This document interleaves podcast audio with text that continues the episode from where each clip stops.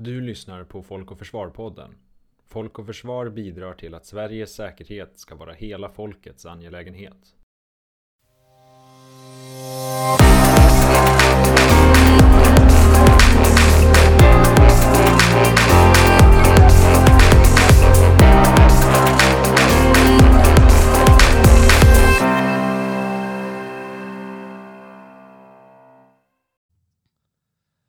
Varmt välkommen till Folk och Försvar-podden.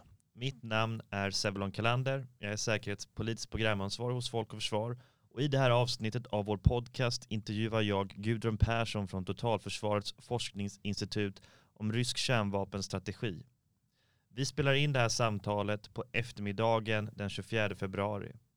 Det är mycket som pågår just nu och läget förändras väldigt snabbt. På grund av det kommer vi att inte fokusera på dagsläget utan i det här samtalet så kommer vi att fokusera på rysk kärnvapenstrategi. Något som Gudrun har skrivit om tidigare. Gudrun, varmt välkommen till Folk och Försvar-podden. Tack så mycket. Min första fråga är vilken roll spelar kärnvapen i rysk säkerhetspolitisk doktrin? Det spelar en vital roll och jag skulle till och med säga att det spelar en vital roll för rysk säkerhetspolitik. Eh, och det har det gjort länge. Eh, den ryska säkerhetspolitiken ytterst vilar på två ben. Eh, dels kärnvapeninnehavet och dels det eh, permanenta medlemskapet i, i FNs permanenta säkerhetsråd.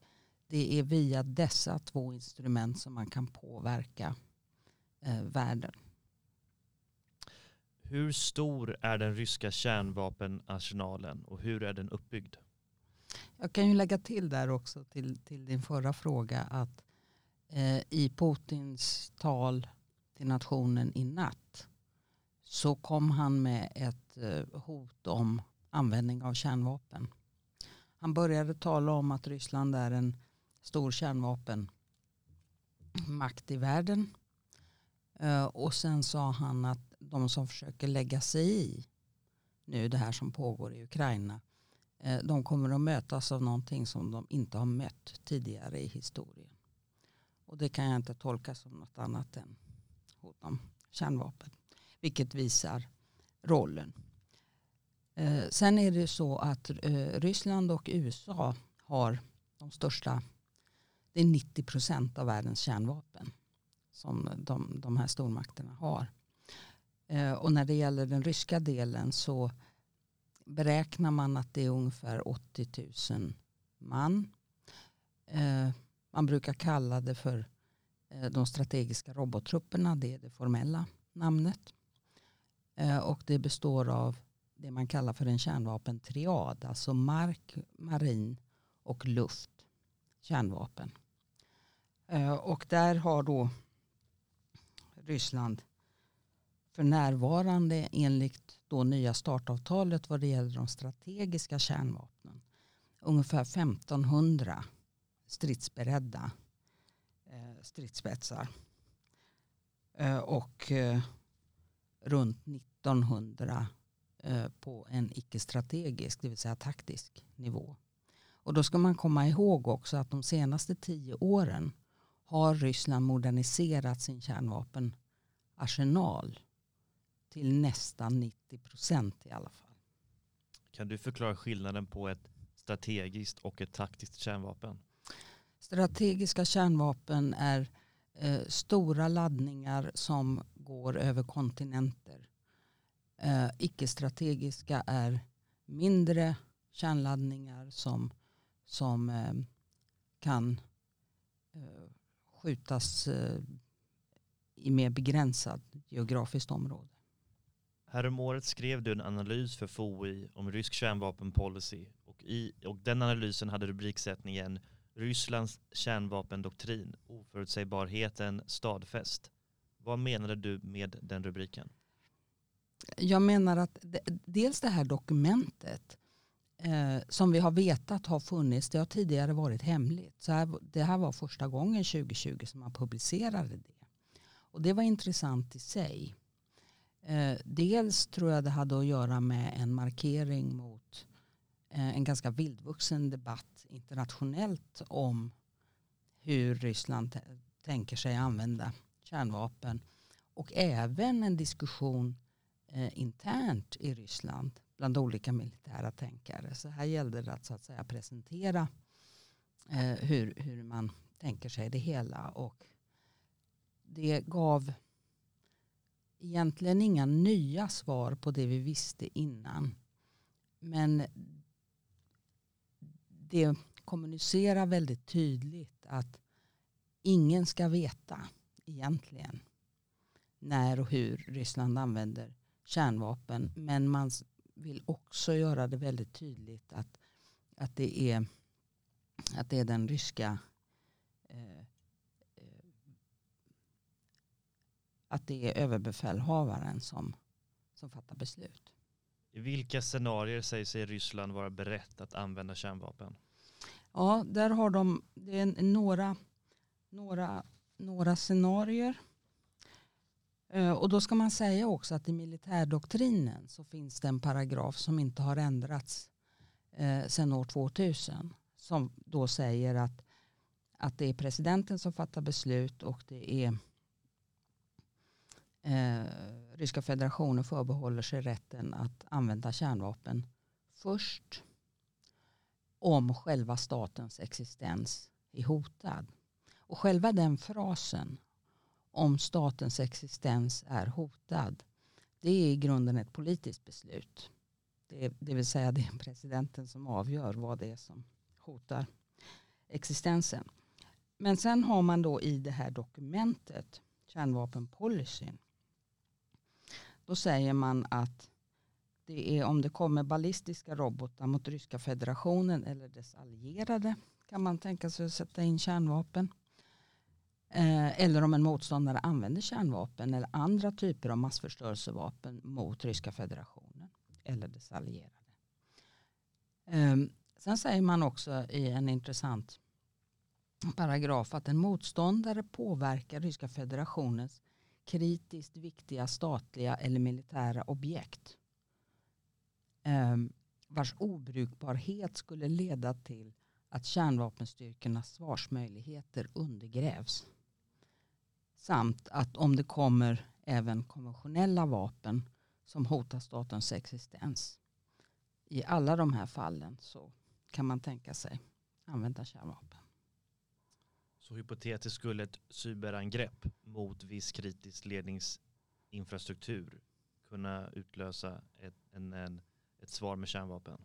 Om det påverkar de strategiska robottruppernas möjlighet att svara. Ehm, I, i ehm, internationell säkerhetspolitik så brukar det ju i de här sammanhangen pratas om andra slags förmåga.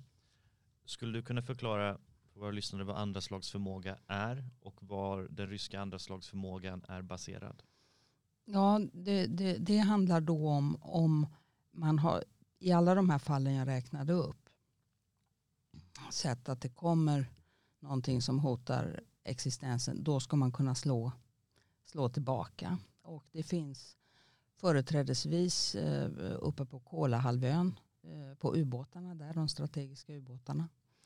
Eh, och det finns eh, också eh, markbaserat inne i Ryssland. Alltså det är markdelen som är den, den stora delen. Det talas ibland, eller spekuleras ibland om att det i rysk kärnvapendoktrin ska finnas en idé om att eskalera för att deeskalera. Kan du till att börja med förklara vad det här konceptet går ut på och huruvida det finns eller inte i rysk kärnvapendoktrin? Ja, jag tycker nästan att den här debatten är, är lite olycklig skulle jag säga. Men det, det bygger på att det finns en eskalationstrappa och allt eftersom konflikten eh, eskalerar så är då tanken med det här begreppet att man eh, applicerar kärnvapen för att så att säga förebygga, skrämma motståndaren så mycket så att motståndaren retirerar. Och det är egentligen inte vad det handlar om för kärnvapenstater överlag. Så är det att göra troligt att man ska använda de här eh, och, och där kommer jag att tänka på en, att det berättas om Jeltsin då när, när Balkankrigen pågick och Jeltsin tyckte att Ryssland inte blev tillräckligt eh, respekterat och då sa till sina medarbetare att varför respekterar de oss inte? Vi har ju kärnvapen. Och då ska han ha fått svaret att, att eh, herr president, det är ingen som tror att ni kan använda, kommer att använda dem. Och då har vi ju sett här hur, hur Ryssland under Vladimir Putin verkligen har gjort allt för att göra det trovärdigt att Ryssland kan komma och använda kärnvapen. Vilken roll har kärnvapen och rustningskontroll i det, eh, i det pågående förhandlingsspelet mellan Ryssland och eh, USA och NATO? Och det här får väl ses som en, en långsiktig fråga. Ja, innan det här läget som är just nu i dagarna med, med militär operation i, i Ukraina så, så hade eh, Ryssland och USA inlett förhandlingar om det man kallar för strategisk stabilitet. Och det handlar i mångt och mycket om rustningskontroll och, och begränsning av kärnvapen. Eh, nu var det ju så att nya start eh, löpte ut förra året och blev förlängt i fem år. Absolut fem i tolv. Det var nästan frågetecken om det skulle gå överhuvudtaget. Men det blev förlängt och då sades det att man skulle på expertnivå föra diskussioner och se hur man skulle kunna utforma ett nytt eh, avtal för att begränsa eh, strategiska kärnvapen. Eh, nu vet vi inte riktigt hur det går med det. Sen vill jag också påminna om att eh, INF-avtalet, alltså det avtal som eh, förbjöd utplacering av medeldistansrobotar i Europa, det har fallit. Och det gör att det är eh, det skulle kunna vara möjligt om Ryska federationen så skulle vilja att placera ut eh, medeldistansrobotar i Europa också med kärnladdningar. Antingen konventionella eller kärnladdningar. Och eh, varför skulle det vara eh, någonting att eh, uppmärksamma? Det är ett mycket allvarligt säkerhetspolitiskt läge. Jag minns eh, från 80-talet när Ryssland placerade ut eh, medeldistansrobotar på sin sida och eh, då det i Västtyskland ut, utplacerades eh, Pershing robotar.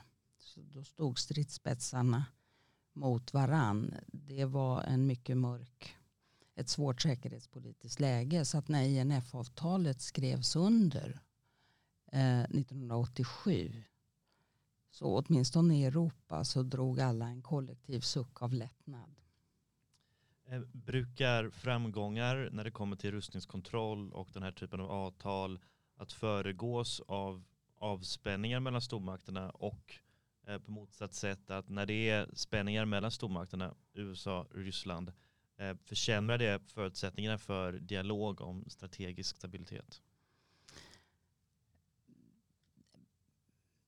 historiskt sett så har, har, eh, eh, har de här större avtalen föregåtts av viss avspänning. Och det är klart att det är ett omedelbart skymningsland då är det svårt att föra den här typen av, eh, av diskussioner och, och, och, hitta gemensamma nämnare så man kan komma framåt. Så, så är det helt klart. Um, hur, hur viktiga är kärnvapen för Rysslands identitet som stormakt? Ja, det är ju, eh, de, det är ju fundamentalt viktigt. Som jag sa tidigare, det här är en del av en, en mycket viktig del av den ryska säkerhetspolitiken politiken. Eh, så att det är viktigt. Sen, sen är det ju så med ett lands identitet att det är ju inte så att eh, rys, ryska medborgare går och, går och tänker på vilka fina kärnvapen man har. Men jag drar mig till minnes 2014 i samband med annekteringen av Krim att det då trycktes upp eh, t-shirts med, med strategiska kärnvapen på bröstet. Topol M hette det systemet. Det är nu utbytt mot ett, ett nyare system. Men, eh, och, och, så stod det man ska inte vara generad över sina, för sina komplex. Och, och det refererar du då direkt till, till kärnvapenkomplexet. Och, um, det var ägnat då mot den unga befolkningen. Att det skulle vara lite häftigt med, kärnvapen. Det var mycket allvarligt. Man talade inte om man talade visserligen om kärnvapen på politisk nivå under Sovjettiden. Men, men inte den typen av att appellera till den unga befolkningen. Hur förhåller sig Ryssland till den globala kampanjen för ett kärnvapenförbud? Kallsinnigt. Uh, och där, där har man uttalat att uh, uh, man inte tänker underteckna och man anser också att eh, har utrikesminister Sergej Lavrov sagt att det här kan potentiellt eh, destabilisera icke-spridningsregimerna i världen. Och eh, hur ser Ryssland på spridning av kärnvapen till stater som Iran? Det vill säga stater som är utanför FNs permanenta säkerhetsråd. Nej, men man är emot det därför att det här är en exklusiv klubb som man vill fortsätta att ha, att ha eh, exklusiv. Eh, och, eh, så att, eh, det, det, det, är ingen tvekan om det. Att det, det man så, så, på ett sätt relaterar det lite till stormaktsidentiteten att desto färre personer som har den här förmågan desto mer unik är Ryssland. Just det, så är det absolut. Gudrun Persson, tack så mycket för den här intervjun. Tack så mycket.